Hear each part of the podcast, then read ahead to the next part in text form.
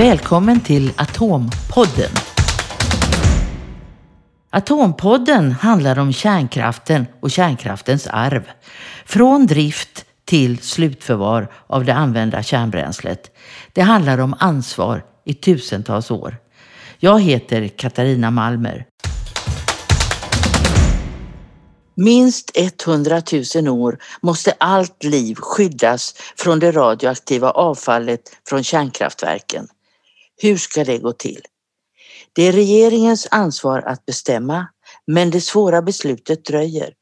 Kärnavfallsrådet, liksom många andra, väntar på svar. Rådets elva medlemmar utses av regeringen. Ordförande är Karl Reinhold Bråkenhielm. Kärnavfallsrådet är ett vetenskapligt råd som är rådgivare till regeringen eh, och är vid sidan utav eh, Strålsäkerhetsmyndigheten som ju är regeringens expertmyndighet eh, i de här frågorna som gäller eh, strålsäkerhet överhuvudtaget. Så man måste alltså skilja på Kärnavfallsrådet, Strålsäkerhetsmyndigheten förkortat SSM och de som eh, har ansökt om att få bygga ett slutförvar, nämligen kärnkraftsindustrin och deras bolag SKB, Svensk Kärnbränslehantering. I Sverige har vi ganska tydliga, en tydlig rollfördelning i eh, kärnavfallsfrågan. Skillnad mellan myndighet, utförare och rådgivare. Kärnavfallsrådet är ett vetenskapligt råd tvärvetenskapligt kanske man kan tillägga, som är en eh, rådgivare till regeringen i kärnavfallsfrågor och i frågor som gäller rivning och avställning utav kärnkraftverk. Om man tittar på kärnavfallsrådets roll, har ni någonting att säga till om? Ja, inte eh, så tillvida att vi kan beslutar besluta någonting som har så att säga en slags eh, juridiska konsekvenser för någon utav parterna i kärnavfallsprocessen. Eh, Vi eh, skriver våra rapporter och ger våra synpunkter till regeringen. Men sen är det naturligtvis regeringens sak att behandla detta och ta upp det i sin behandling utav SKBs ansökan. Eh, SSM är inte heller bundna utav Kärnavfallsrådets eh, eh, rapporter eller beslut. Vi har den tyngd som våra uppfattningar har. Men känner du att ni får gehör för era synpunkter? Ja, vi bedriver en dialog med både kommuner, SSM och med eh, regeringen och SKB. Och vi tycker att vi får gehör för många synpunkter som vi har. Kanske inte så att eh, alla köper allt vad vi säger, men det har ett inflytande i processen och eh, det gäller till exempel den här frågan om SKBs ansökan om ett slutförvar. Jag kan återkomma till på vilket sätt. Ja, för det är ju där det, det, är väl där som frågan ligger just nu på regeringens bord. Ska de få lov att bygga och ska de få lov att genomföra den här så kallade KBS3-metoden? Det är väl där det ligger nu? Ja, det stämmer. Och det, frågan kan man säga befinner sig just nu i ett avslutningsskede, det vill säga själva beslutsprocessen som rör just eh, SKBs ansökan om ett slutförvar. Eh, frågan har behandlats i Mark och miljödomstolen. De har lämnat sitt beslut. Eh, frågan har behandlats utav STSM, Strålsäkerhetsmyndigheten. De har också skickat in sitt beslut till regeringen. Kärnavfallsrådet har kommit med synpunkter och eh, rapporter i frågan. Men om man tittar på de eh, svar som har kommit in så är, det väl, så är det ju så att Mark och miljödomstolen sa nej? Ja, det, det, det är kanske inte helt korrekt att säga att de sa nej. De godkände eh, eh, SKBs miljökonsekvensbeskrivning men man hade en del synpunkter på själva metoden. Där fanns det enligt Mark och miljödomstolen oklarheter när det gällde speciellt eh, den kopparkapsel som ska innesluta de radioaktiva använda bränslestavarna. Eh, på några olika punkter ansåg eh, Mark och miljödomstolen att SKBs eh, utredning av eh, just när det gäller kopparkapslarna var ofullständig och efterlyste alltså ytterligare forskning. De menade att det finns oklarheter och osäkerheter när det gäller just den sidan utav projektet. Men då Kärnavfallsrådet, hur ser ni på den här KBS-3-metoden? Vi har pekat på en del andra saker när det gäller kopparkapseln som vi anser behöver ytterligare klarlägganden. Och vad handlar det om då? Det handlar eh, till exempel om eh, ja, man måste förstå först vad den här kopparkapseln är för någonting. Innerst inne i kapseln finns ju de här bränsleelementen men den, de omsluts i sin tur utav en gjutjärnsinsats och ytterst i kopparkapseln finns det ett hölje, ett ganska tunt hölje utav koppar. Den här gjutjärnsinsatsen den har inte blivit så eh, uppmärksammad tidigare men det är något som Kärnavfallsrådet har eh, eh, haft synpunkter på under en följd av år. Det finns nämligen, eh, det har visat sig i eh, bland annat forskning vid eh, Alvar Aalto-universitetet i Helsingfors. Det finns försprödningsprocesser som kan åstadkommas bland annat utav strålningen men också utav andra processer i det här gjutjärnet.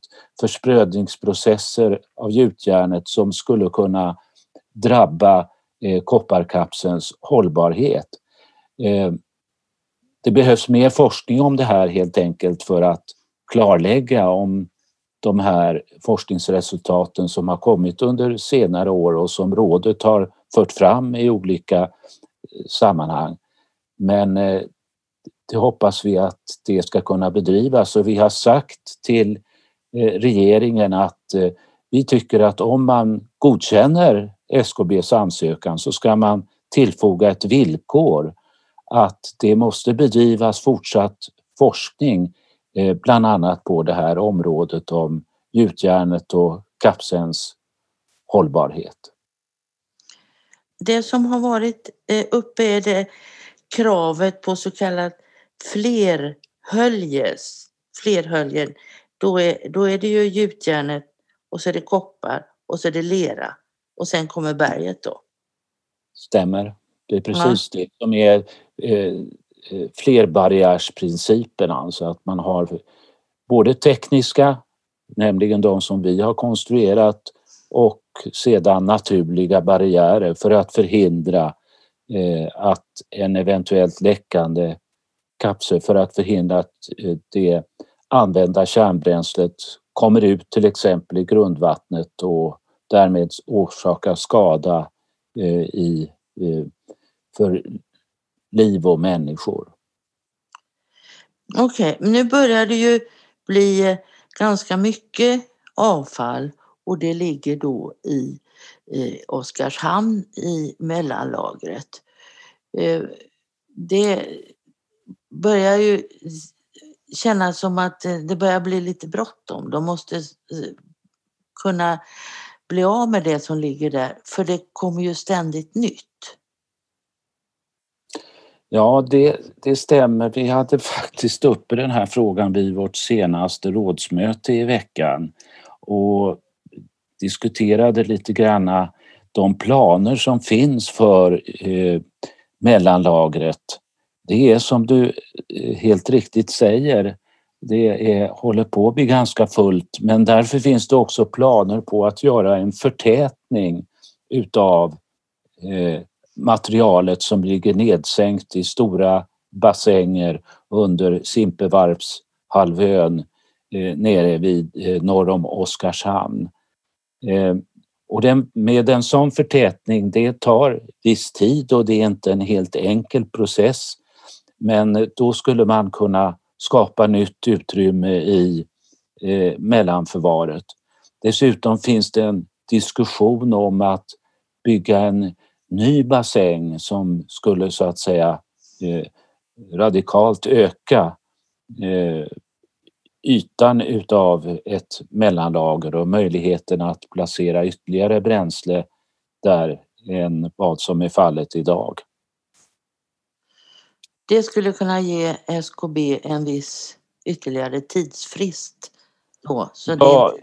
ja, precis. Det är klart att det finns ju andra aspekter när det gäller det här med mellanlagret. Inte minst framförda utav Oskarshamns kommun. Att eh, varje dröjsmål med en lösning utav slutförvarsfrågan innebär att eh, kommunen så att säga och kommuninvånaren har den här riskfaktorn på sitt område. Eh, mellanlagret är ju inte något slutförvar och eh, är säkerhetsmässigt naturligtvis väl konstruerat men eh, det är ändå bara ett mellanlager och kommunen nere i Oskarshamn vill naturligtvis att slutförvarsprocessen kommer igång så snart som möjligt och att man så småningom eh, blir kvitt det här mellanlagret i varje fall. Eh, även om det tar några decennier så vill man gärna komma igång med processen och det är inte så svårt att förstå. Det, ser ni några risker med mellanlagret som det ser ut idag? Ja, mellanlagret är inte ett slutförvar. Det är så mycket kan man säga. Det är beroende av en kylning, att eh, ett kylvattensystem fungerar. SKB har gjort noggranna studier eh, av vad som skulle kunna inträffa om något av de säkerhetssystem som finns nere i mellanlagret inte skulle eh, fungera.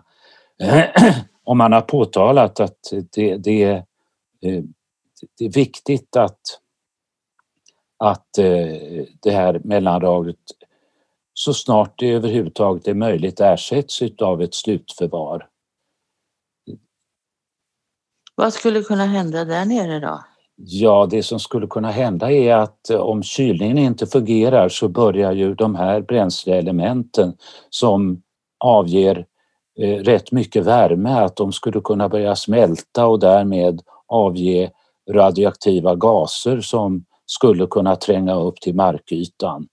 Det är ett osannolikt scenario men eh, SKB har i sin ansökan diskuterat eh, vad som vid olika tidpunkt skulle kunna inträffa om olika typer av säkerhetssystem i mellanförvaret inte fungerar. Men blir det inte större risker om man eh, packar tätare och har mer och mer eh, utan att ha ytterligare bassänger? Ja, alltså själva förtätningen måste då göras eh, samtidigt som man ser till att man att själva kylsystemet anpassas till förtätningen så att säga och det har man naturligtvis räknat med i, i de bedömningar som finns när det gäller eh, det projektet. Men vad tror ni, vad, vad anser ni att, eh, att eh, de ska göra där? Bortsett från att, bortsett från att det bör bli ett slut slutförvar så snart som möjligt. Men vad, vad säger Kärnavfallsrådet om mellanlagrets framtid? Ja, vi har delar SKBs bedömning att mellanlagret kan inte bli ett slutförvar. Och, och i dagsläget? I dagsläget så ska man naturligtvis genomföra de planer på förtätning om de visar sig nödvändiga. Det är som du var inne på tidigare, det, det börjar bli trångt där nere och eh, det kräver någon typ av åtgärd. Var, var känner du och vad känner ni i rådet att eh, akilleshälen är idag? Ja, akilleshälen är väl eh, man kanske inte kan uttrycka det så dramatiskt att det finns en akilleshäl men det är onekligen det här med kopparkapslarnas hållbarhet som är eh, en avgörande fråga bland flera avgörande frågor. Det finns ju andra aspekter som har kommit lite i skymundan här. Det gäller bergets hållbarhet, det gäller eh, själva eh, den lera som ska omsluta kopparkapslarna nere på 500 meters djup.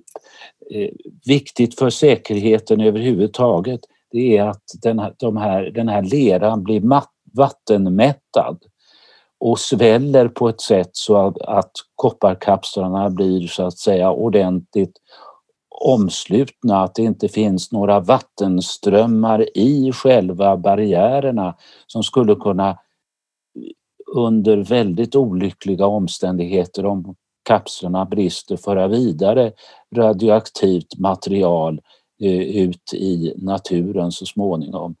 En fråga som finns i, eh, numera i marginalen utav hela projektet är eh, på vilket sätt ska man hantera om det behövs ett återtag utav olika kapslar utan någon anledning under själva deponeringen eller kanske längre fram när hela förvaret har förslutits, då kan det ju finnas generationer i framtiden som av någon anledning skulle vilja eh, ta upp de här kapslarna, kanske förbättra förvaret på något sätt. Det är svårt att överblicka vad som skulle kunna behövas i en avlägsen framtid. Men hela återtagbarhetsfrågan har varit väldigt diskuterad och en del andra länder, till exempel Frankrike, de fäster större vikt vid eh, återtagbarheten än vad man gör i Sverige. En annan eh, idé som diskuteras lite grann är ju om man skulle kunna använda, återanvända avfallet i eh, göra nytt bränsle utav det. Och då ja, kan man ju inte lägga ner det heller. Nej, ja det skulle man ju kunna göra eh, om man samtidigt på olika sätt underlättade ett eh, återtag.